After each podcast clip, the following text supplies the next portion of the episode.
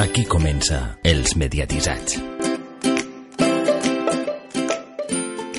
Molt bona tarda a tots, molt benvinguts. Comença el programa número 1 dels Mediatitzats. Hola, Héctor Prades. Hola, bona tarda. Alguns us estareu preguntant què és això dels mediatitzats. Altres ja ens coneixeu pel nostre programa en castellà. El que pretenem és tractar l'actualitat dels mitjans de comunicació en la nostra llengua, ja siguin a la Catalunya Nord, Andorra, Catalunya, País Valencià, Illes Balears, l'Alguer o arreu del món. Per fer aquesta tasca no estaré sol, m'hi acompanyarà el Francisco Garrobo, que ja heu escoltat, altres col·laboradors, i aquí, a la presentació del programa, tindrem també el Jordi Barbero. Bona tarda, Héctor, així és. I comencem el programa ben forts. Avui tindrem entrevista amb el Siegfried Gras, adjunt a la direcció de TV3 i cap de programes i continguts. Més tard, a la tertúlia, parlarem de la Corporació Valenciana de Mitjans de Comunicació, la nova radiotelevisió valenciana, i de les novetats de TV3. Però abans de res, comencem amb el nostre informatiu de mitjans. I ho fem amb una notícia de TV3. La Generalitat de Catalunya estudia instaurar una taxa per finançar la televisió pública. El govern estudia crear un impost específic per a TV3 per garantir el seu finançament, segons explica el diari Ara. La mesura sorgeix després que la televisió acumuli els últims mesos algunes dades d'audiència negativa com a resultat dels retalls que ha sigut necessari aplicar sobre la programació. El plantejament més compartit és la creació d'un impost que complementi l'aportació ordinària del govern, actualment de 255 milions d'euros, i que es vinculi a una despesa concreta, com per exemple la producció de ficció. En aquest sentit, el diari recorda que el Consell d'Audiovisual Català prepara un llibre blanc de l'audiovisual en què s'analitza la situació actual de la televisió pública. El document es fixa en, en televisions europees comparables a TV3 i deixa entreveure quin hauria de ser el pressupost de la corporació si volgués, si volgués ser homologable a les del seu entorn natural. Anem ara al País Valencià. Enrique Soriano passa el tràmit per pilotar la reobertura de les ràdio i televisions públiques valencianes. Enrique Soriano serà el president del Consell Rector de la Corporació Valenciana de Mitjans de Comunicació, la nova radiotelevisió valenciana, després d'aconseguir l'aval de tots els grups polítics amb, amb representació a les Corts. El lletrat ha comparegut aquest dilluns davant de la comissió de RTBB per a sotmetre's a l'examen previ a la presentació de la seva candidatura en el ple del pròxim dia 19 d'octubre. Soriano, proposat pel PSPB, té un marcat perfil jurista, ja que és doctor en dret i lletrat de les Corts. Ha participat en nombrosos congressos, jornades d'estudi i seminaris relacionats amb el dret parlamentari, tècnica legislativa, organització territorial de l'Estat, dret constitucional i mitjans de comunicació. En la seva compareixença, Soriano ha enumerat quins seran els principals reptes que haurà d'assumir el Consell, així com tots els reglaments que ha d'elaborar, encara que no ha detallat quin creu que serà el pressupost ni el volum de personal de què haurà de disposar la nova televisió pública autonòmica. I anem ara a les Illes Balears. Els informatius d'IV3 queden sense correctors lingüístics. I és que des del passat dia 4 els periodistes informatius d'IV3 no tenen a ningú que els corregeixi ni vetlli per l'ús correcte del català. I així serà, almenys durant unes setmanes. La redacció d'informatius de l'ENS públic es va quedar sense servei d'assessoria lingüística després de finalitzar el contracte amb Teix Consultors, l'empresa subcontractada que oferia aquest treball. I pel fet que IB3 no ha tret un nou concurs que evitarà aquesta situació. Les quatre cor cor correctores que formaven part del servei lingüístic van finalitzar els seus serveis el 30 de setembre i el 3 d'octubre. Va expirar el, el conveni firmat entre IB3 i la consultora, que ha prestat els serveis des de l'octubre del 2014 fins a l'octubre del 2015, amb una pròrroga d'un any. El comitè d'empresa CBM, l'empresa externa que té contractats els serveis informatius de la cadena autonòmica, va reivindicar ahir aquest servei. El considera que hauria de ser permanent a una ràdio i televisió autonòmiques. I ara anem en la programació. Gerard Piqué i Jordi Basté conversen a fora de sèrie. Dijous, a les 10 i 40 minuts de la nit, just després de Polònia, Jordi Basté conversa amb Gerard Piqué. Durant 50 minuts, fora de sèrie, descobreix les múltiples facetes del central barcelonista, el seu pensament més enllà de l'esport o el vessant empresarial d'aquest símbol blaugrana. Basté i Piqué trepitjaran la gespa de l'estadi blaugrana, però també sentiran el vertigen de seure a les files de la tercera graderia del nou camp.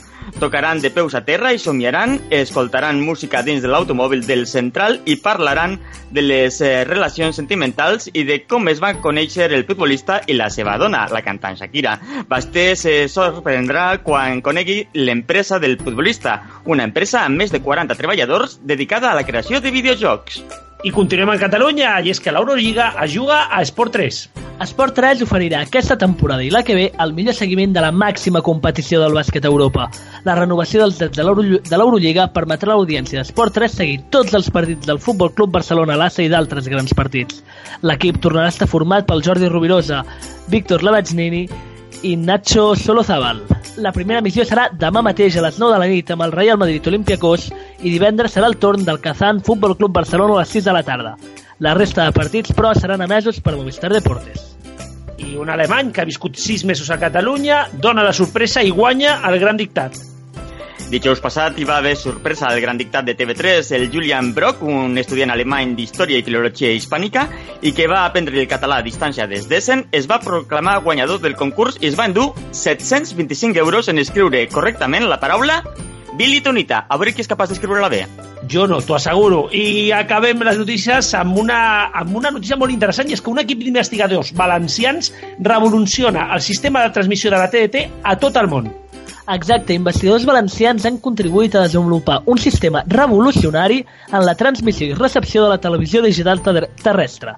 Es tracta de Whip, White and Rose, One, dissenyat per investigadors de l'Institut de, de Telecomunicacions i Aplicacions Multimèdia de la Universitat Politècnica de València i les empreses Teracom de Suècia i Panasonic, empresa alemanya.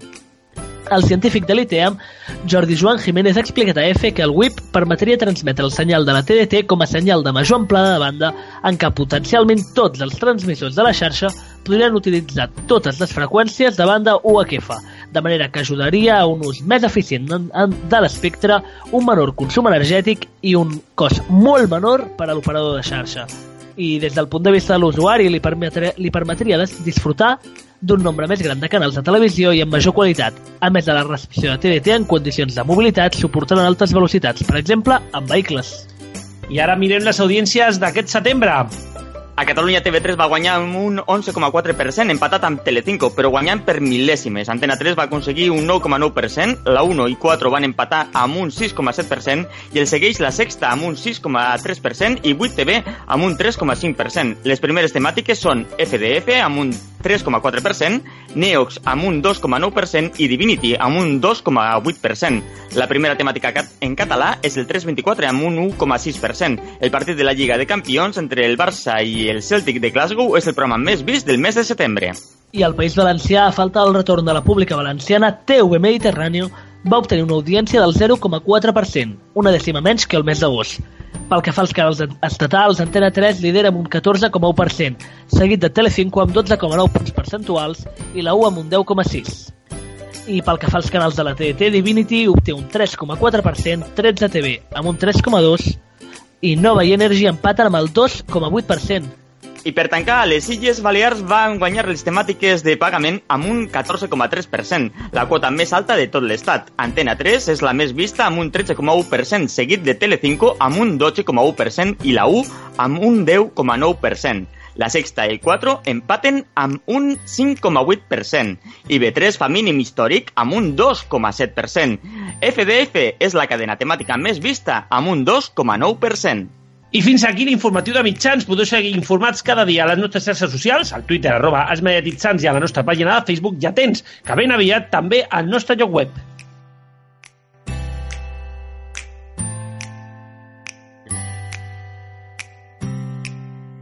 Els mediatitzats.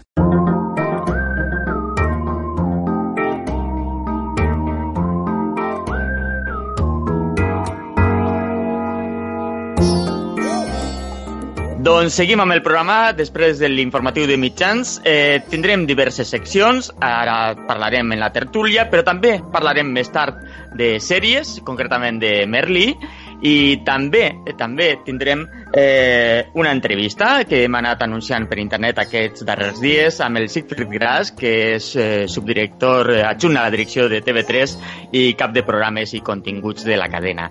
I també al llarg de les properes setmanes s'aniran incorporant col·laboradors al nostre programa per desenvolupar diverses seccions. Però ara comencem amb la tertúlia.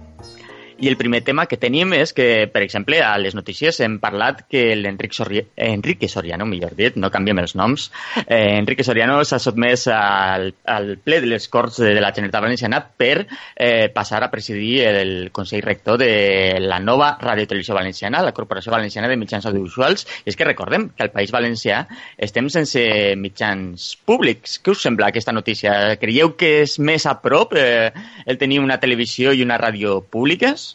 Home, tenir president ja és, ja és un primer pas, no? Eh, jo crec que al final el problema que, el problema que ha hagut amb, amb la televisió valenciana és que els grups, o sigui, en un Parlament, en un Parlament tan, tan obert i amb tants partits, no? amb l'arribada de, de Podemos i de Ciutadans, al final ens trobem a, una situació en la qual eh, muntar una televisió és complicada. Recordem que serà la primera televisió formada després de l'arribada d'aquestes dues noves formacions al panorama polític eh, estatal, més enllà de que Ciutadans ja existia aquí a, a Catalunya, no? però no hi ha cap televisió que s'hagi intentat formar amb cinc grans partits en un Parlament, recordem que està el Partit Popular, el Partit Socialista, també està Compromís, eh, clar, amb tot això intentar formar una televisió és molt complicat, no? I, i hi ha hagut moltes tensions, però jo crec que tot això és molt positiu perquè aquesta televisió naixerà molt més consensuada, molt més treballada i jo crec sobretot que no tornarem a veure aquesta Canal 9, una Canal 9 que era totalment, totalment manipulada, no? I, molt probablement eh, ni tan sols amb un canvi de govern veurem aquesta manipulació, perquè aquesta televisió, com ja dic, neix d'un de, debat molt intens, de moltíssimes discussions i de moltíssimes, inclús, de baixades del carro, com ha fet el Partit Popular en diverses ocasions, no? i que al final eh, jo crec que això pot inclús favore, fa, o sigui, jo crec que pot fer una millor televisió pública de la que poden ser altres televisions de, de la resta de l'Estat perquè potser el, el, el govern sorgit del pacte del Botànic potser en un principi es va precipitar, no? perquè va guanyar les eleccions en maig del 2015 i ja va dir eh, en octubre obrirem la tele. Bé, en octubre no es va obrir la tele, un any més tard, al 9 d'octubre del 2016, tampoc s'ha obert la tele. Eh, quins terminis creus que, que podríem barallar per una apertura de televisió? El, el dia del tancament, quan es faci l'aniversari del tancament o, o, o més endavant? Home, a mi m'agradaria que fos el dia, el dia del tancament, eh? o sigui, seria, seria molt poètic, no? Alguns que van vivir en directe, que van viure en directe tota aquesta, tot aquest tancament, no? I tot el que va suposar el que va suposar tot el que va passar. Ja no era tant, tant el tancament, sinó eh, el que van veure durant més de 24 hores. Me'n recordo que, que en el seu moment, que era una freqüència digital, no? I, i que van seguir en minut a minut de tot el que va passar, jo crec que seria un bon moment. Però sí que el que volia dir, no?, que, que al final jo crec que Compromís no és que hagi tingut pressa, sinó que en gran part el que ha passat és que tothom volia que reobrís aquesta, aquesta televisió, especialment Compromís, era un compromís electoral molt clau per a ells, i, jo crec que sí que han tingut precipitació, però també demostra les ganes que hi havia de tenir una nova, una nova televisió pública al País Valencià, no? de nou tenir aquesta televisió pública. No sé, el 29 de novembre per mi és una bona data. Jo crec que, que més enllà de, del que siguin els terminis purament tècnics i necessaris per, per preparar estructuralment aquesta televisió, eh, crec que és un problema principalment de, de voluntat política i si es va, eh, si la, si Canal 9 ja va agafar aquesta deriva que, que tampoc agradava, era perquè no interessava ter una televisió nacional potent en català, perquè interessava debilitar aquest espai eh, de parla catalana que, que suposa el, el País Valencià, eh, interessava debilitar eh, la qüestió dels països catalans i, evidentment, la cultura és un element més que vehicular per fer-ho, i la televisió, per tant, també és un, un ens molt important i crec que el problema que existeix al govern del Botànic és de voluntat política que hi ha dos partits eh, poc catalanistes, per dir-ho d'alguna manera, i per tant no existeix aquesta voluntat de crear aquest espai comunicatiu en, en català.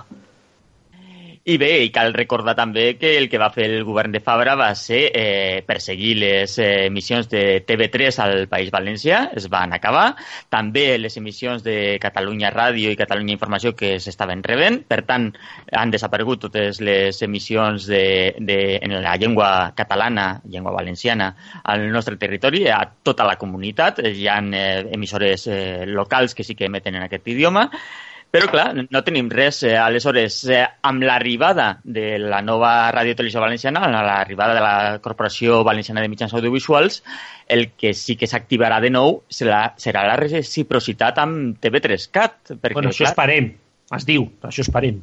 Eh, esperem. Eh, millor seria si fos la TV3 normal, però tot apunta que serà TV3CAT, com a Balears. Home, és molt difícil que pugui emetre la TV3 normal, sobretot, per exemple, amb el tema del partit de Champions.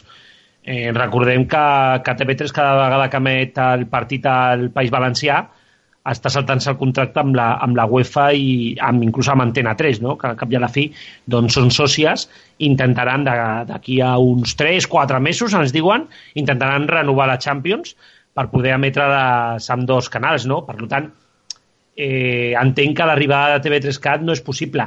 Encara que jo el que apostaria, i això sí que seria molt important, és que potser s'hauria de plantejar generar un, un TV3CAT específic pel País Valencià i, i les Illes, inclús per la Catalunya del Nord, si pogués, si pogués emetre, amb informatius d'aquells territoris, amb, i només treu, traient, doncs, la, diríem, el cinema que no sigui català el... i, i els partits de Champions. El, el mateix que passa amb els canals alemanys a Àustria, no?, per exemple. Exactament, o sigui, al final, al final tot és un lío de drets, no?, i al final es pot acabar generant un espai audiovisual potent que TV3 jo crec que no està explotant suficientment. I també en, aquí a Catalunya tenim moltes ganes de tornar a veure la televisió valenciana no? I, poder, i poder disfrutar dels programes d'allà. Veurem també com arriba aquest canal, però jo crec que tal com està la situació no veurem un, un canal nou amb moltíssims drets esportius, em sorprendria, i, i, i els drets de cinema seran drets de la Forta, però bueno, jo crec que és molt important poder tornar a escoltar valencià no? a la televisió a la televisió a Catalunya. I jo només volia... Sí, Jordi, yes, yes. No, jo només volia fer un apunt abans de canviar de tema, que Garrobo, tu apuntaves al 29 de novembre per a la tornada d'emissions de la televisió valenciana. També és, eh, cal dir que si fos així, eh, seria com donar-li una certa continuïtat al model que hi havia de televisió i potser no volen que es relacioni la nova Canal 9, diguem-li així, amb l'antiga eh, i volen fer un time més abrupte i, i estrenar un, un altre dia que no tingui res a veure.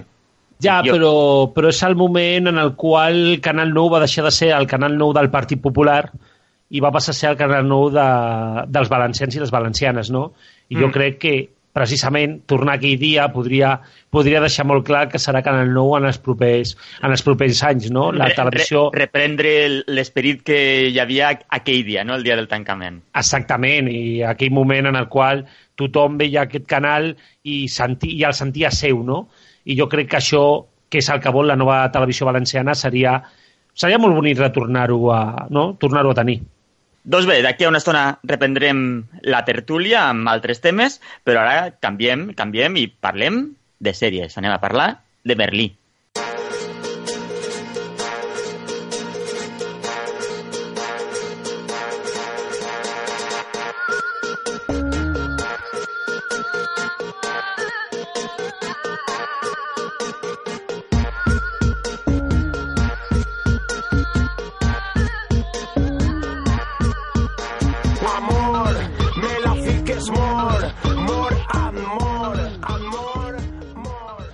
I ara anem a parlar d'una sèrie que està triomfant a Catalunya, a TV3, i també es va emetre la temporada passada a la Sexta, a tot l'estat espanyol.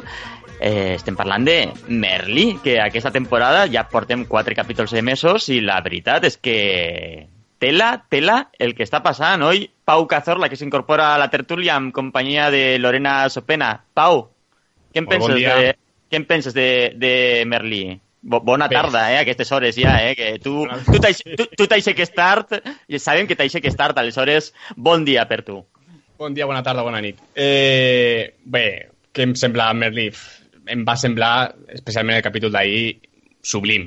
Jo crec que és una opinió generalitzada, però és que un dels millors que he vist, eh, ho tenia absolutament tot, eh, fi de putisme, si, si, si, si, si, si jo parlava d'aquesta manera, amb la Coralina, amb el Merlí i el tema de l'enfermetat. Eh, tenia sexe, un moment, òbviament. Un, un moment que estava esperant molta gent des, de la, des del final de la temporada passada, no? Sí, sí, ja tocava, oh. perquè si no... si no recordo malament, van passar vuit capítols des de la mítica escena de del palote. sí. del, del, del, Pol, del Pol i el Bruno, no? Pol i el Bruno. Sí, ese, eh, aquell moment que, va, que, que es va mullar, no, Lorena, a tota Catalunya. Sí, bastant, bastant. tu, tu el primer, no? Yo sí, yo por supuesto, vamos, usted, que se note. I a més I va passar quan menys ho esperaven perquè estava ja el tema de, del Pol i la mare de, de l'Ivan i de sobte el Bruno es llança i, i per fi tenim la segona escena Bruno Pol. I... Exacte. La setmana passada ja ens van deixar entreveure una mica el Pol i la mare de l'Ivan allí al bar, aquelles miradetes que la mare de l'Ivan li feia quan s'estava canviant. I aquesta setmana, amb l'escena de les gotes, semblava que anava a passar alguna cosa allí i no va passar res. Eh, va, va passar després amb, amb el Bruno.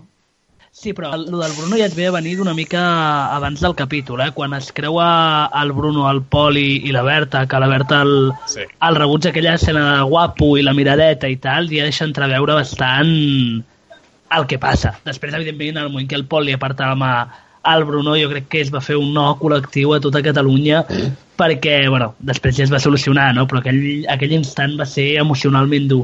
No, i ara ja entrant una miqueta més en, en el terreny també, o sigui, ja no, no entrant tant en la part de si ens agrada o no, eh, treballar, o sigui, tractar el tema de la bisexualitat en una sèrie no és una cosa molt habitual i jo crec que és molt positiu, no?, doncs aquesta, aquesta visió de... No sé, jo, jo crec que, que és una mirada molt encertada i que pot enganxar moltíssima gent perquè, com ja dic, o sigui, tenim la trama gay, tenim totes les trames heteros, no? però una trama bisex crec que és una cosa que no s'ha vist molt a les sèries i menys a Catalunya. No sé, Lorena, tu que has vist més sèries de TV3, però és una trama... Sí, la, no la, la, veritat és, la veritat és que és bastant innovador el tema, no? Acostuma a tractar-se, així com altres sèries com El cor de la, de la ciutat sí que s'havia tractat la, l'homosexualitat i en altres sèries vàries el tema de la bisexualitat no és un tema que acostumi a tractar-se. Exacte, havíem vist sèries en les quals es tractava el tema de l'homosexualitat masculina o de la femenina, però bisexualitat, que jo recordi, no s'havia tractat encara en cap sèrie de, de TV3 i crec que a nivell estatal, a nivell estatal tampoc recordo cap, eh? Jo estic intentant mirar cap enrere, sí que hem vist alguna trama de persones heteros que han passat a ser gais, però no, no juguen directament amb la bisexualitat com a tal, com, com s'ha vist en aquesta sèrie, on en, en, en, ve directament de parlar amb la mare d'un company i de poner-se palote, com decía ell, i, i, i just després doncs, anar amb un, eh, que té nòvio a més, a posar les banyes al nòvio italià. O sigui, la situació és molt rocambolesca, però és una situació que no és tan estrany de viure, eh? i per tant jo crec que és una trama molt encertada i que per mi un déu als guionistes de, de, de Merlí, perquè ja no és només aquesta trama, sinó també tota la trama de la mare del Merlí, que és brutal, uh -huh. la que el Duc crec que va fer ahir el millor, el millor capítol i espero que tingui un spin-off i li hagan un monumento a l'entrada de TV3. O sigui, crec que el capítol ahir va ser brutal. Home, l'actor que interpreta el Pol, el, el Carlos Cuevas, ja va dir a Twitter que el capítol d'ahir era el millor fins, fins ara. O sigui que...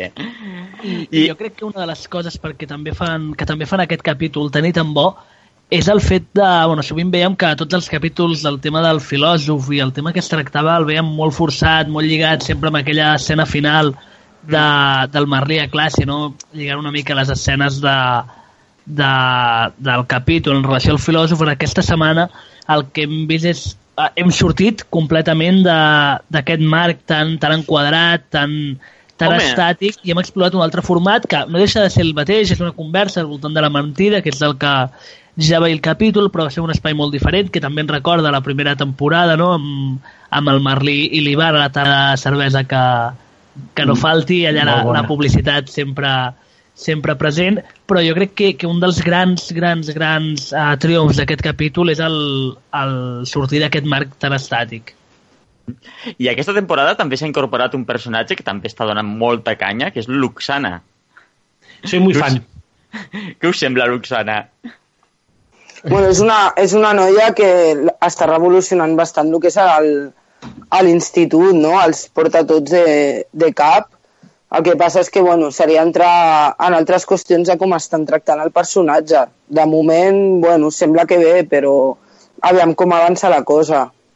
a mi el que m'agrada sobretot és aquesta idea de poder tenir una, una dona... O sigui, a veure, sí que és cert que quan parlaven de Marlí sempre es deia que, de que era una sèrie que podia tenir tons machistes en, de, en, en algun moment, no? I, i sobretot per, per el tractament que es feia de les dones a, a la sèrie, no? que vingui una dona que pot estar molt més empoderada, que no té cap problema en poder, en poder tenir sexe amb qualsevol company de classe sense tenir un, un, un enllaç no? sentimental, podríem dir, Eh, això jo crec que també important i que és també molt, molt important haver tingut un nou, per, un nou personatge femení a, a la sèrie. No? Jo crec que bueno, és un pas endavant, encara que sí que estic totalment d'acord amb Lorena, que a veure com ho traten el personatge, no? O sigui, a veure com, com va el tema, perquè em dona molta por com pot anar, eh? Encara que som molt fan d'ella. De moment és la gran descoberta de, de la temporada perquè està revolucionant eh, a, a, a tothom, però és que, a més, ahir va proporcionar el, el moment de de més rialla del capítol, que va ser quan el, des, diguem, el despertar sexual de, de Gerard, crec que es diu Gerard, no? Sí. Eh, després d'aixecar-se, després d'haver tingut relacions el dia anterior, que s'aixeca tot content amb la mare, va pel carrer com si fos un anunci de, de compreses. Sí, va, I, i, I aquest crec que va ser un altre gran triomf de, del capítol d'ahir, que a més d'aquest moment de rialles, també va estar, per exemple, el moment en el que el... No me recordo ara com es diu, el, el que té el germà, el, el, Ah, el germà sí, del el- Pau, que imita Ah, el el professor. El Marc, el Marc. El Marc. I ho clava...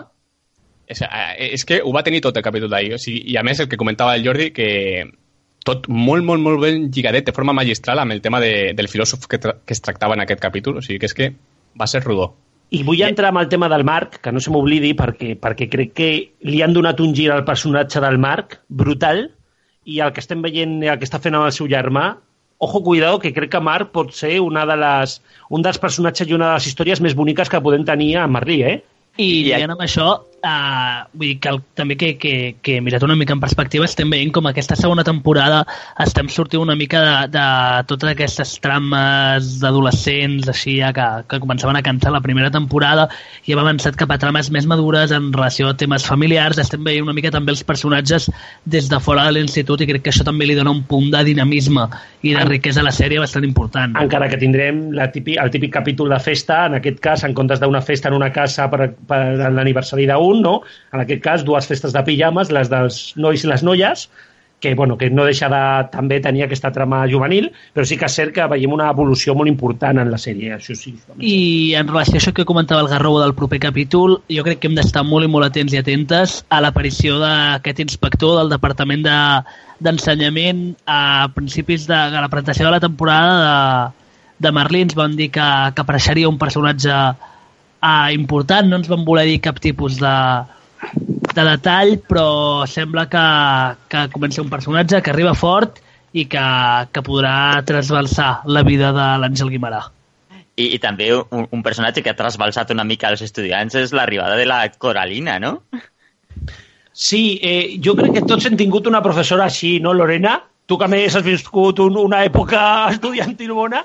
Eh, eh, Sí, el que passa és que jo és, és un personatge que encara no sé ben bé per on agafar-lo, perquè té la, té la seva part que, és, que està guai, que és el rotllo de, de la guerra civil i de la història, que, que això marquen bastant, però per l'altra banda, per exemple, com tractar a la Berta i totes aquestes coses no, no m'acaben de... No, no sé ben bé per on agafar-la jo a la Coralina.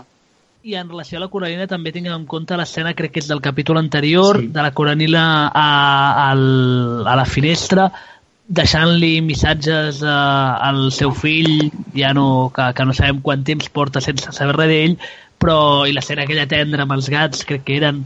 Ah, vull dir que, que també estem començant a veure, es comença a deixar interpretar el costat més humà d'aquesta bruixa, que no que li diuen. Sí, no? i jo crec que la Coralina serà el típic personatge que evolucionarà i que eh, això és molt típic per a sempre en, en les, a, a, a Juego de Tronos, no? Hi ha personatges que odies fins que els coneixes ben bé i acabes adorant-los, no? Jo crec que, que la Coralina pot tenir un trasfont important i que millor que ara veiem a una bruja, no? I que d'aquí a poc veiem una dona dèbil i una dona que, que sigui molt més tendra del que sembla. I això una mica com, com l'Eugeni, no? que, que era el, el professor Hitler i ara ve amb aquest costat més, més patètic, de, vull dir, més, més ridícul, que ens desperta fins i tot tendresa de, una mica d'empatia de ai, pobret. ¿Veieu possible un romance entre la Coralina y el Marlí? Los dos egos juntos. Uf! Uf, uf. Pues no, o sigui, Jo no vull. aquell llit, aquell llit rebenta. És impossible, no caben els dos. Però jo amb l'Eugeni la veig. Jo, jo és que és un personatge que amb algú, amb algú crec que acabarà segur, la Coralina. Hòstia... I lo del Merlí, i, i lo del Merlí, de, i lo del Merlí i la Gina cada cop ho veig menys clar. Ui, sí, la Gina amb el Toni. A, a, a, Sí, a, més, sí. a, més, a més, amb aquesta relació que tenen el, el Merlí i la Gina de la relació amb la porta un poc ajustada, no?, que va dir Merlí el capítol passat. Eh, bé, Eh, doncs bé, a mi m'ha semblat, ja, fenomenal abans de tancar, que sé que va anem mal de temps. sí, sí, anem valent. Eh, jo crec que al, al moment en el qual al moment en el qual decideix, eh, mira, hasta aquí hemos llegado, ell m'ha- fotut una mentida, jo aprofito la relació oberta. Jo crec que això també és molt bo, no? I, i parlar d'una relació oberta en una sèrie està un tema que tampoc s'ha tractat molt i crec No. que és molt positiu que, i el que sí que també per tancar, perquè vaig llegir un tuit, que és que el Merlí en dos capítols ha aconseguit casa gratis i una relació oberta. O sigui, és per aplaudir. I, i molt Sí, breu, sí, és un campió, eh? Héctor, si em deixes dir una frase... Sí, sí, digues, digues. Crec que també és, és molt interessant aquesta marlinització que estan patint tant, amb, tant el Bruno com la Gina d'aquesta xuleria, d'aquesta seguretat que el Bruno porta a follar-se al, al Pol i en el cas de la Gina amb el, amb el Toni, no? com s'estan marlinitzant aquests personatges. Doncs bé, ho deixem aquí, que si no, no tindrem res per parlar el mes vinent, quan tinguem més capítols acumulats. Veurem com han evolucionat els personatges i veurem què ha passat amb la Coralina, si s'ha embolicat amb algú o no, eh, què passa amb el Merlí i la Gina i totes les altres parelles que s'han anat formant al llarg d'aquests quatre capítols. Lorena, Pau, moltes gràcies per ser amb nosaltres. Us esperem el mes vinent per comentar Merlí. Vosaltres, llavors, A La- vosaltres. La resta us quedeu perquè tornem de seguida.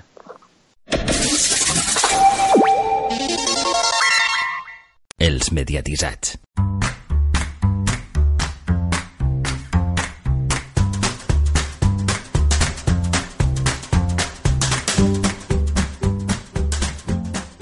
I tornem de la pausa amb la secció de l'entrevista, aquesta setmana, amb el Xip Gras. Doncs el nostre convidat d'avui és l'adjunt a la direcció de TV3 i cap de programes i continguts, càrrec que exerceix des de fa sis mesos. Els seus inicis es remunten, però, a l'any 91, quan va incorporar-se a la redacció de Catalunya Ràdio a Madrid.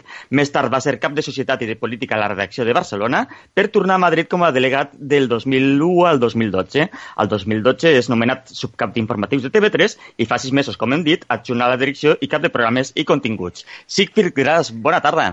Hola, molt bona tarda. Com estem? Com et vas trobar a TV3 quan es va, et vas incorporar al teu càrrec? Home, mira, aquest nou càrrec sempre és un càrrec molt interessant. Per cert, felicitats, perquè veig que tens perfectament controlada tota la biografia. Eh?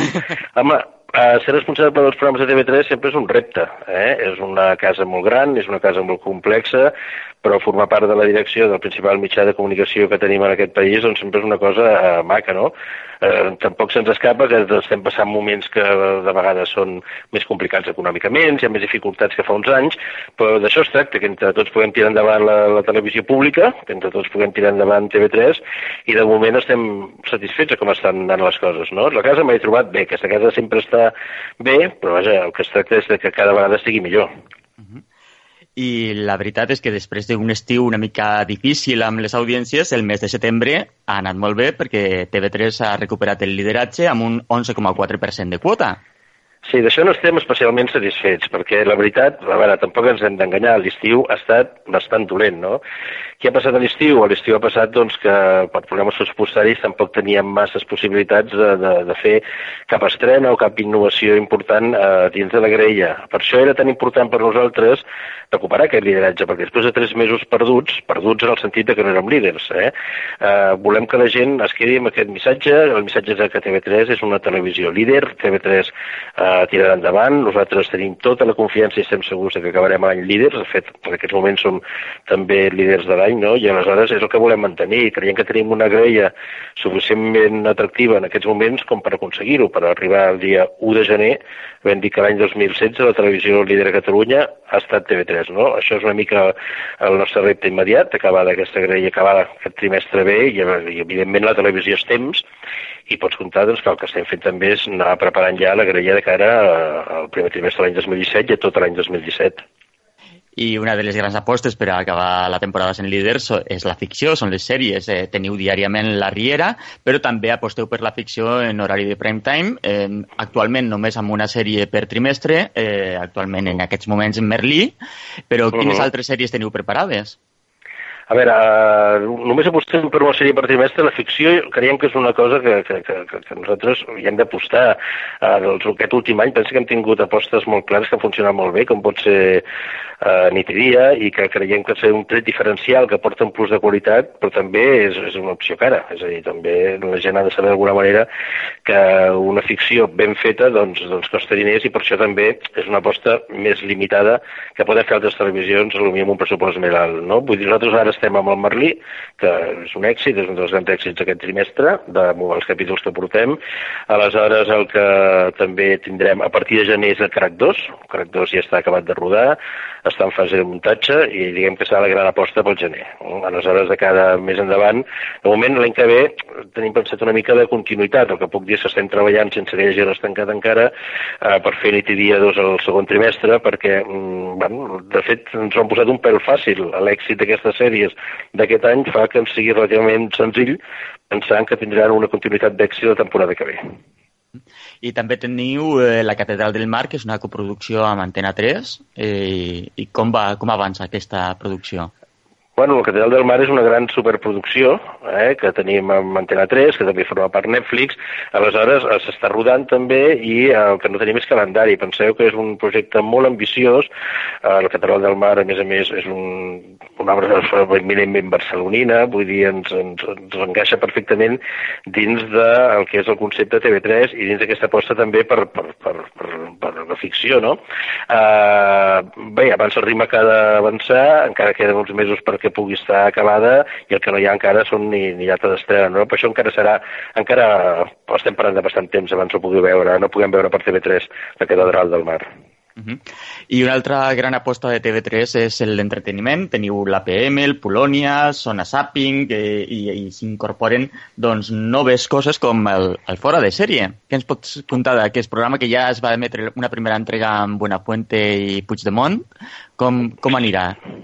Si fora de sèrie, eh, és un programa que nosaltres hi creiem molt, perquè volem posar en valor també la gent que ha treballat a TV3 i que ara treballa en part de transmissions de comunicació o que treballen aquí a TV3, continuen treballant a TV3 o Catalunya Ràdio, perquè formen part de, la, de la història audiovisual de Catalunya i per això és fora de sèrie. Fora de sèrie és perquè és un programa normal i perquè diguem que tornen puntualment, no? Tornen per fer l'entrevista que ells volen. Com tu dius, ja es va emetre la, una fuente amb el president català, aleshores el següent que s'emetrà és el Jordi Basté amb el Piqué, amb el jugador del Futbol Club Barcelona, i estem treballant amb els altres, amb els següents programes. Són, eh, amb, són els comunicadors més importants que han passat per TV3 demanant l'entrevistes exactament que ells volen. Estan tancant agendes, eh?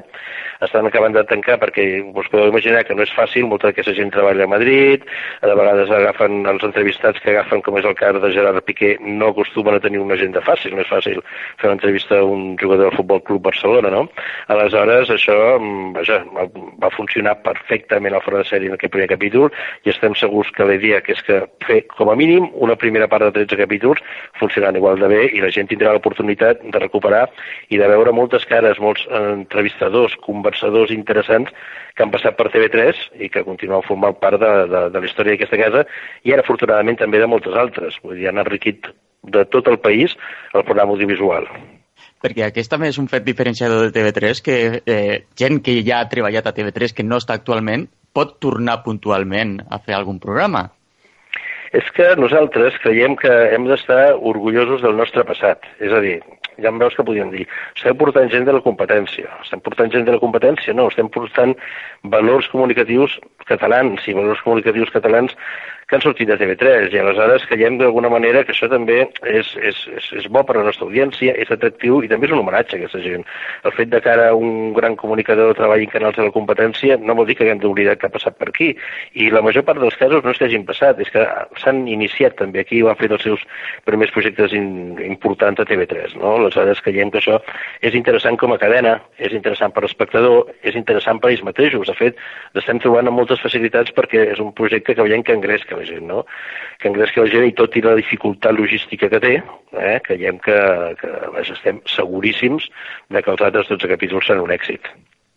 I també en entreteniment hi ha un format que ens ha cridat l'atenció, que és el sopar amb el Roger de Gràcia, eh, que sí. serà un programa, eh, crec que són 13 capítols d'uns 50 minuts, on al voltant d'un sopar, al voltant d'una taula, eh, hi haurà una, un debat, una xerrada, com si fos sí, entre amics, no? risc. Eh? O sigui, aquí té el seu risc i és que eh, juntar gent coneguda eh, bueno, parlant de diferents temes. Eh, es, es tracta de també, per exemple, el primer capítol surt Ferran Adrià, eh, bueno, el primer capítol no sé si serà el primer, però sí és el primer que han gravat, no? Es tracta mm -hmm. també de veure d'alguna manera el rerefons de la gent fora de les facetes que el coneixem.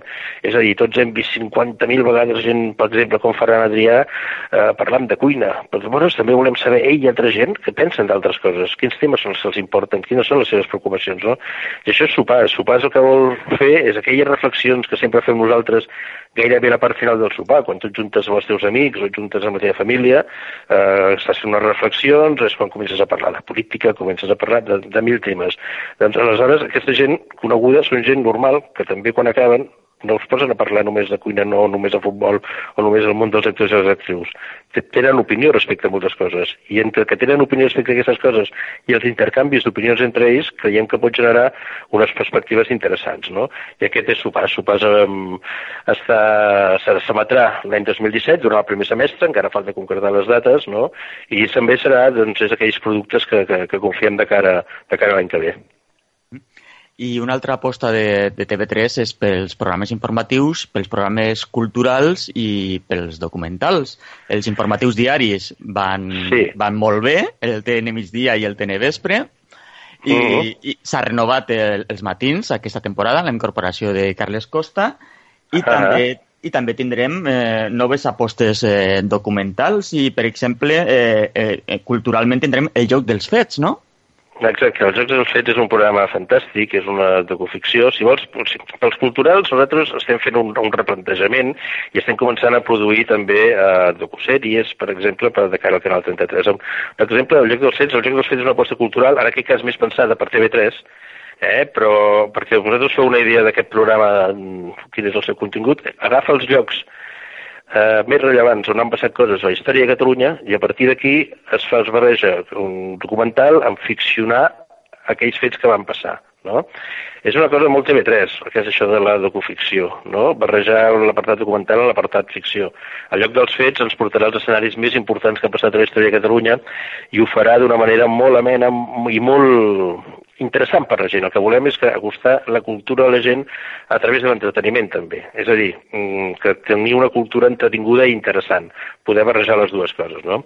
I els informatius, els informatius Poca cosa més et puc dir perquè són una mica el pal de paller de, de, de TV3. Els informatius funcionen i han funcionat des de fa molts anys molt bé.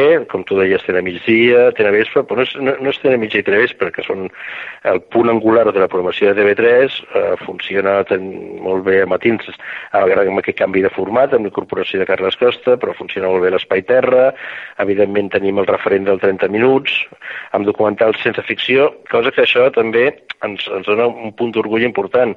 Som l'única cadena que existeix a nivell de l'Estat que programa documentals en print de la seva cadena principal.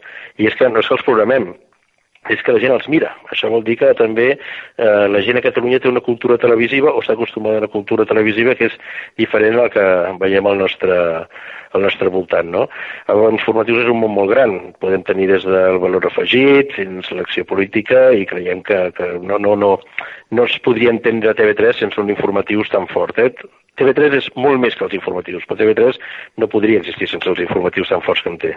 Recordem l'eslògan que teníeu fa, fa temps, TV3 igual informació, que continua estant vigent. Sí, sí, sí, evidentment TV3 és informació. Ara i ho ha de continuar sent sempre i el que volem és que la gent que vulgui saber realment el que passa a Catalunya eh, es, es connecti TV3 no perquè sigui TV3 sinó perquè continuem sent, i això ens ho diuen les, les enquestes de promoció que tenim afortunadament la gent ens escull no només numèricament sinó que som, també som els que tenim més credibilitat, més rigorositat segons les enquestes que hi ha i eh, nosaltres intentem fer, fer un gran esforç a nivell de serveis informatius però vaja, creiem que es veu compensat mm, per la rebuda que té entre la gent, no? I després eh, estaves comentant abans eh, que TV3 sap contar històries i, i de fet aquesta temporada tindrem grans històries com Laia, Ebre el Versol de la Batalla, La Llum d'Elna... Són sí. grans produccions, no?, diguem. Sí, són grans produccions. Aquí també, bueno, després hi ha l'altra escola catedral del Marc que dius tu, que s'inclou dins d'aquestes històries quotidianes, no sé, és, per exemple, Ramon Llull. Ramon Llull, jo Ramon Llull, que vam passar el dia 11 de setembre, eh, clar, mm, intentem acostar a la gent productes interessants sense perdre aquest punt de rigor, però tampoc fent que la gent mm, li sigui entretingut mirar-s'ho d'alguna manera. No? Crec que si nosaltres, la nostra obligació és apostar, evidentment, per cultura catalana, és apostar per la literatura catalana, és apostar per, per, per, per, per, pels valors catalans, i nosaltres tenim, aquest, tenim la gran avantatge que tenim TV3 i també tenim un canal 33 on es fan productes més especialitzats. Aquí ja us aviso que estem, dic, ho deia abans, estarem preparant sorpreses de cara a, diguem, al pròxim any, de cara al canal 33, eh, que poden funcionar molt bé, i aleshores eh, aquestes històries, busquem històries properes al públic, històries que segur que puguin arribar, i històries que la gent de vegades pugui conèixer millor que no coneixen de la nostra mateixa història, no? Tenim aquesta, aquesta voluntat divulgativa, i aquesta voluntat divulgativa també pensem que és una cosa que, que, que no s'ha de perdre. Hi ha una altra aposta important, que també estem preparant pel 2017, que va en aquest sentit, que és un programa que es diu Trinxeres, que és la Vila Carles Costa fent, travessant les trinxeres que hi haver de la Guerra Civil des del Pirineu fins al Delta de l'Ebre, eh? però explicat així mm, no fa justícia el que serà trinxeres. Trinxeres serà revalorant els fets més emotius, és una manera de com es pot veure la gent jove la Guerra Civil, que ja li queda molt lluny, diem, no? Què recorda? Quins records hi ha? Què va passar en aquells llocs? No? Quins testimonis? Creiem que serà també un format interessant que va amb la línia que tu deies. I bé, Cifri, també ap apuntant a un altre canal del grup, que és Esport 3, i sempre, sempre ens pregunten eh, quines apostes esportives tindreu en aquesta temporada, perquè com hem vist ha arribat al Club de la Mitjanit, amb Francesc Garriga en emissió simultània, a Catalunya Ràdio ja, ja Esport 3, però cap a on s'enfocarà? Si, en clar, se l'ha caigut el tema de la Lliga, que ara ho té gol, no? Eh, apostareu per la segona? Esteu intentant encara tenir la segona? Com estarà el tema del bàsquet? Què, què, què fareu amb Esport 3 i què, què veurem en, en aquesta temporada?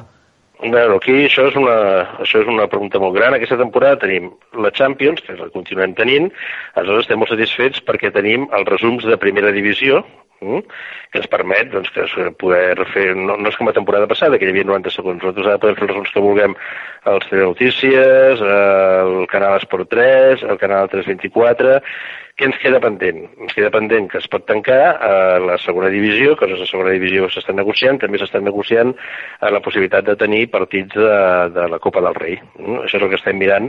La Lliga de Bàsquet també la tenim, cosa que ens, ens, ens, també ens, ens dona molta satisfacció, perquè també és un producte que, que, que és molt atractiu pels nostres, pels nostres espectadors. No? Aleshores, Només els partits del Barça. Sí, sí, sí, sí, sí, sí, sí. sí. Eh? Aleshores també tindrem un paquet en, en, en qüestió de bàsquet que s'ha d'acabar de tancar. Eh?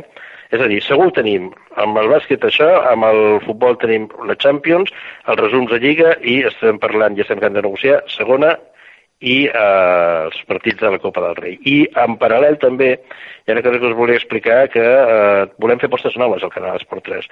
Al canal Esport 3 tenim el, el, Club de la Mitjanit, eh, hem recuperat el gol a gol.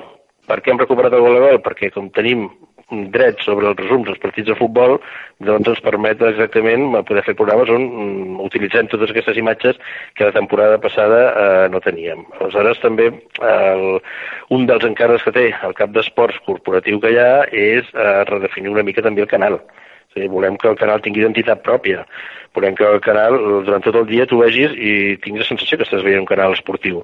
I cosa que de vegades ara no els passa gaire, no? Però vaja, aquest projecte s'hi ha posat fa molt poc temps i esperem que Esport 3 sigui un canal que realment qualsevol persona aficionada a l'esport ho pugui trobar amb la vessant més àmplia.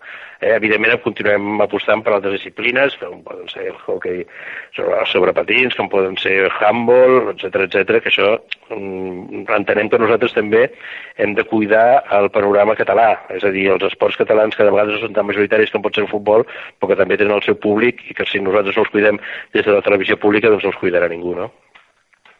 I fa uns dies el diari Ara publicava un dossier amb la situació actual de TV3 i plantejava algunes solucions, alguns punts, eh, alguns forats negres de la, de la programació de TV3 i un d'aquests forats negres és que es deia que TV3 plega massa d'hora i és que després d'un programa de 30 minuts i un de 50 minuts cap a mm. quarts de 12 o les 12 de la nit eh, tanqueu, tanqueu programació, diguem-ne d'alguna manera, i, i entren redifusions o repeticions.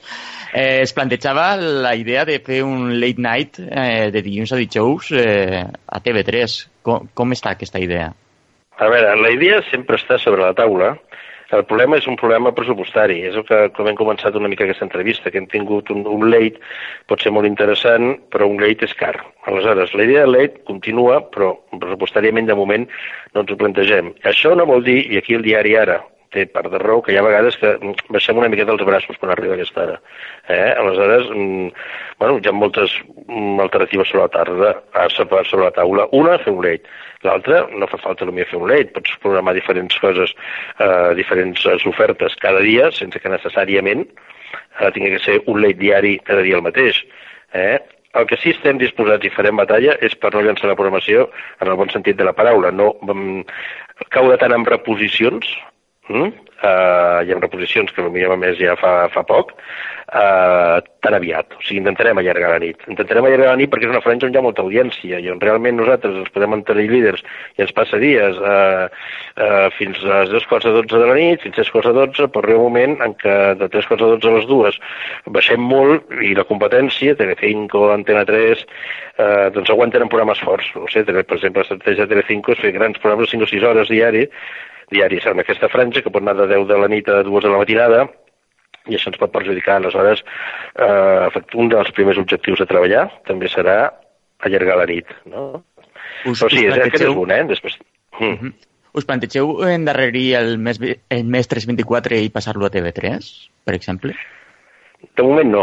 De moment el mes 324 aquest any està funcionant molt bé. Ha allargat mitja hora, es fa de dilluns a divendres, eh, de 10 a dos quarts de 12, eh, funciona bé, tot és plantejable. Nosaltres, mm, tot el que fem als nostres canals que no són TV3 ho seguim molt de prop per veure si hi ha la possibilitat de portar-ho a TV3. És a dir, això que m'estàs dient tu, si ens ho hem plantejat, no és la primera conversa ni la, segurament serà l'última que hi ha sobre això. Però hem començat temporada 6, creiem que és aviat. No és una idea descartable, però no és una cosa que tinguem ara sobre la taula. Uh -huh. I per anar acabant, eh, el tema pressupostari ha estat a sobre la taula durant tota l'entrevista.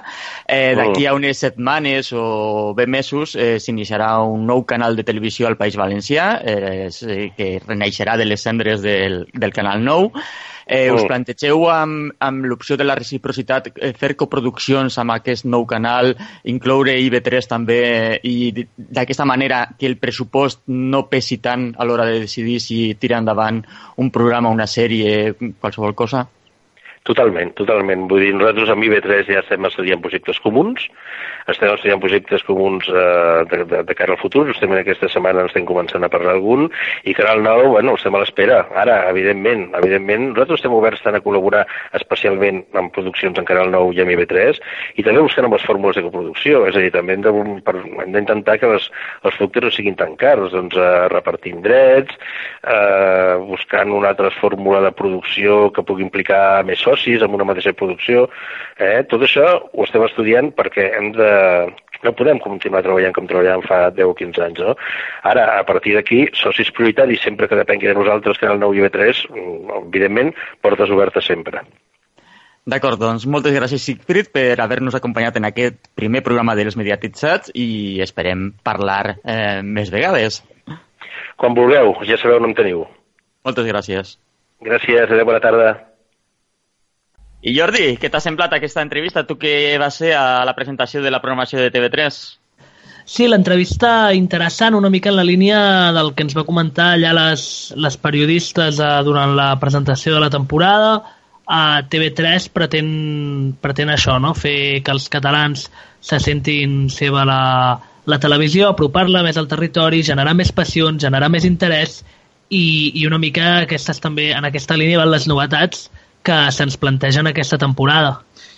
Jo em quedo sobretot amb, amb, diverses, amb diversos comentaris, no? Eh, la idea sobretot late Night, que està ja sobre la taula, d'intentar tornar a fer alguna cosa amb la franja, amb la franja nocturna, i sobretot, bueno, amb, amb un debat que segurament en el programa en castellà tindrem, eh, que és el tema de la segona divisió. Sembla que TV3 està negociant l'emissió de partits de, de la segona divisió, segons algunes informacions que tenim o que des del mediatitzats podem, podem dir, és que no estan negociant un paquet fixe, sinó inclús un paquet que sigui eh, modificable en cada moment, alguns dies emetran partits, unes altres setmanes no, però bueno, no sé, eh, s'està movent tot en aquesta, en aquesta direcció i per mi són dos temes molt importants, no? el tema del late night, que jo crec que tu també pots comentar, i el tema de la segona, no? ara que l'Eurolliga doncs, està més que confirmada la, la missió, no? Sí, justament eh, comentes dos aspectes que és molt important el pressupost de la cadena, que sabem que està passant per uns moments difícils eh, perquè no tenen molt de pressupost i perquè l'audiència va cap a baix, aleshores els ingressos publicitaris també també van cap a baix. I el govern es planteja, justament, imposar un cànon per finançar eh, TV3. Home, jo crec que és un cànon totalment necessari. Ja assisteix a la televisió, a la televisió estatal, a Televisió Espanyola i, i per què no pot assistir a Catalunya? És més, jo crec que a més seria una bona manera... Jo sempre he estat molt a favor de, de que els impostos estiguin molt destinats a, als temes, no? i inclús doncs, aquest cànon, que, que ja no només pagaran les persones, sinó que pagaran també també les empreses. Ja et dic, jo crec que, que és una molt bona iniciativa, estic totalment, totalment a favor, i que pot ser un bon impuls perquè la televisió pública catalana torni a semblar-se més a la BBC i no tant a Televisió Espanyola, no? Que de fet és això el que, el que comentava el Garrobo, no? l'objectiu aquest de, de centrar-se en televisions públiques uh, d'èxit, com és la BBC, és el, el llibre aquest blanc de, de l'audiovisual que està, que està elaborant TV3 i que ens informaven les companyes del, del diari Ara i, i assenyalar i, i potser remarcar molt la idea aquesta de, de que no seria un, un impost que sofrerien tots els, els catalans, sinó que aniria destinada a, a, a sectors concrets i crec que això també és, és important tenir-ho en compte perquè és evident que TV3 té un infrafinançament bastant, bastant gran si l'objectiu és fer una televisió pública de, de qualitat i amb produccions pròpies. Uh -huh. I, per exemple, aquest estiu ens han dit que no hi havia estrenes a TV3 perquè, com no hi havia pressupost, s'havien guardat coses que s'havien preparat per a l'estiu, se'ls havien guardat per a la temporada. I altres coses que sí que estaven previstes per a aquest inici de temporada, per exemple, la incorporació del Carles Costa als matins, eh, doncs sembla que ha repercutit en l'audiència, que ha anat cap avall. Per exemple, fa un any, al setembre de, del 2015, l'audiència dels matins era de 91.000 espectadors un 17,1%, i aquest setembre ha passat a 55.000 espectadors de mitjana i un 11,4%. A què creieu que és degut a aquesta baixada d'audiència dels matins?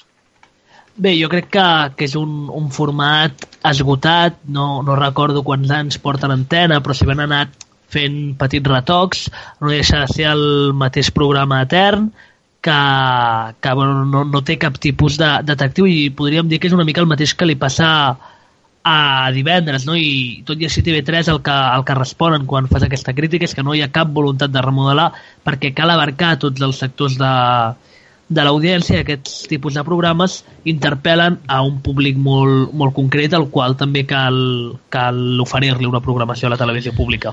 No? I, I tinguem en compte que és necessari un programa d'informació matinal que en un determinat moment, en un determinat, eh, una determinada situació informativa, com pot ser eh, la desaparició d'aquesta nena i que, i que ha tingut molta audiència a les cadenes com Antena 3 i, i Telecinco, jo crec que, que no és motiu per deixar de fer un informatiu matinal de qualitat, no? A lo millor el format podria, podria variar, podria, podria ser millor, no? Però jo no crec que, que sigui un format que tingui que desaparèixer. El que s'ha de fer, sobretot, canviar uh, l'estructura. I aquí jo sí que crec que a lo millor tindrien que mirar més el format de les televisions estatals, eh, encara que no siguin els mateixos continguts, sinó, sinó amb el format, no? donar un format més, més àgil, inclús amb, amb una tertúlia més, més, més curta o, o d'una manera més, més àgil, com ja dic. Jo crec que sobretot aquest és el problema. Li ha passat a TV3 el mateix que a Televisió Espanyola.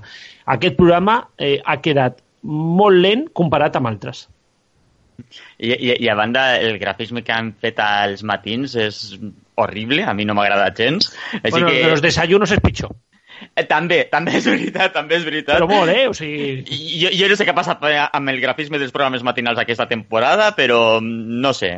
I la sintonia dels matins és que no, no, no, no, no. Els nous matins no m'agraden. Gràficament, eh? Dies ja en general no té gaire, gaire bona mà, eh? Sí, no, perquè la de divendres és per recordar-se les venes. Sí, sí, la de divendres tampoc, tampoc està molt encertada, no, no.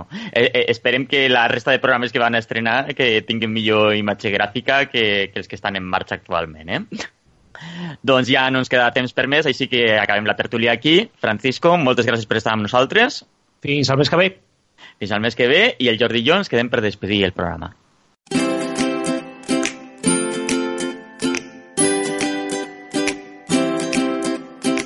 Uf, Jordi, Primer programa. Semblava que no s'acabava mai, eh? Sí, sí, sí, ha estat bastant mogudet avui. Sí, sí, ho aguantarem, no? O què? Home, això espero. Ca, ca, una, una vegada al mes? Jo crec Sí, que... Jo crec que sobreviurem, també. Sí, sí. A més, tenim un mes per preparar el pròxim, rebre comentaris de la gent a través de les xarxes socials que ens diguen què els ha semblat, si volen canviar alguna cosa. Estem oberts eh, a suggeriments, així que qualsevol cosa que ens la vagin dient. Aquí acabem per avui. Us esperem el proper 8 de novembre, si tot va bé. Avui a la part tècnica hem tingut l'Antonio Domínguez, a la redacció el Jordi Barbero i el Francisco Garrobo. Hem comptat amb la col·laboració especial del Dani Recuero i del Joan Espinosa, aquesta veu que sentiu de tant en tant dir el nom del programa.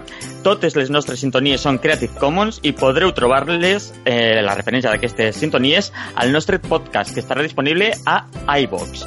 Us ha parlat l'Héctor Prades i fins el proper programa. Adeu!